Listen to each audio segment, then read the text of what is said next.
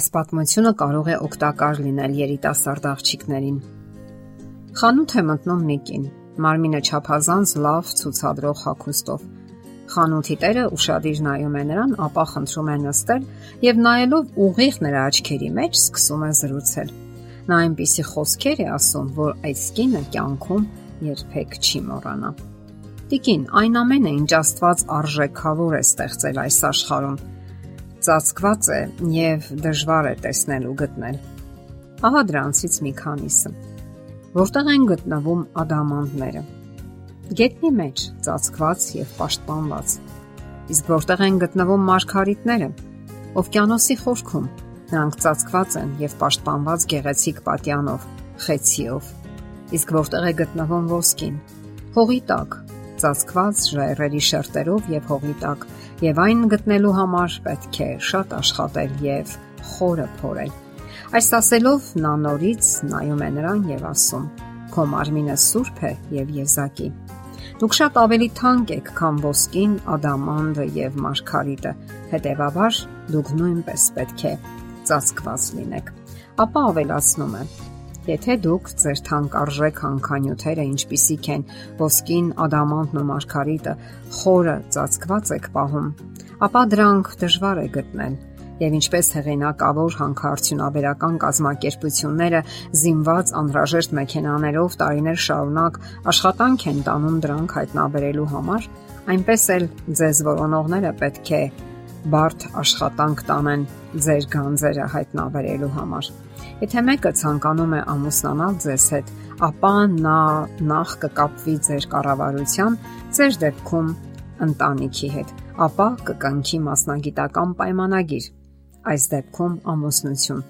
Այնուհետև նա մասնագիտական տեղեկատվություն կստանա, գործունեություն կծավալի։ Մեր դեպքում դա նշանակում է ամուսնական կյանք։ Բայց եթե դուք թույլ տաք, որ ձեր հանքանյութերը հայտնվեն երկրի մակերեսին, բացահայտված ու անփույթ, դուք միշտ կգրավեք մեծ թվով անօրինական հանքափորների, ովքեր կմաղվեն շահագործելու եւ անօրինական կերպով տիրելու այդ հարստություններին Ահա թե ինչու հարկավոր է միշտ հիշել, որ դուք արժեքավոր եք։ Եվ այսպես, փոխադարձ հարգանքը սկսվում է սեփական եւ դիմացինի արժեքն ընդունելուց։ Արդյունքում դա արտացոլվում է նաեւ զգացմունքների մեջ։ Չէ որ կինը կամ տղամարդը կարող են հարգել, հիանալ եւ գնահատել դիմացինին միայն այն դեպքում, եթե նա վստահ է իր վրա եւ բավարարված է իրենից։ Ասենք որ մայրական վերաբերմունքը տղամարդու հանդեպ նույնպես արդարացված չէ։ Այդ դեպքում հնարավոր չեն նաև ռոմանտիկ հարաբերություններ։ Նաև հիշեք, որ պետք չէ քննադատել։ Նախքան ինչ որ մեկին քննադատելը հարկավոր է պատկերավոր ասած հակնել նրա կոշիկը, անցնել նրա ճանապարհը, փորձել հասկանալ այն, ինչ նա է զգում, զգալ նրա ամեն ապրումն ու ցավը, որին նա բախվել է կամ բախվելու է կյանքում Միայն դրանից հետո կարելի է ասել, թե ինչպես պետք է նա ճիշտ ապրի։ Յուրաքանչյուրի կյանքն ու դժվարությունները միայն իրեն են հայտնի։ Պետք է վստահություն դրսևորել դիմացինի ընտունակությունների հանդեպ։ Ոչ մի բառով կամ արարքով պետք չէ ցուցադրել անվստահությունը։ Իսկ եթե ցանկանում եք ինչ-որ բան անել նրա համար, ապա կարող եք կարեկցել, վստահել նրան նրա հիմնախնդիրների լուծման ու որոնումների ճանապարհին իսկ այդ խնդիրները կարող են լինել ամենատարբեր՝ աշխատանքային կամ անձնական։ Նա կարող է թյուրիմացություններ ունենալ ընտանիքում, գործընկերների կամ ղեկավարության հետ, կարող է մոլորվել անձնական ճանապարհին։ Պետք չէ գիտունի գիտեսք ընդունել եւ հազար ու մի խորհուրդների մեջ թաղել նրան։ Վստահությունը դիմացինի հանդեպ վաղ թե ուշ կվերածվի հարգանքի եւ ամուր հաստատուն ինքնագնահատականի։ Կանայք կարող են տղամարդուն հնարավորություն ընձեռել ապացուցելու իր տղամարդկային ուժը, բավատեղյակությունը այս կամ այն բնագավառում։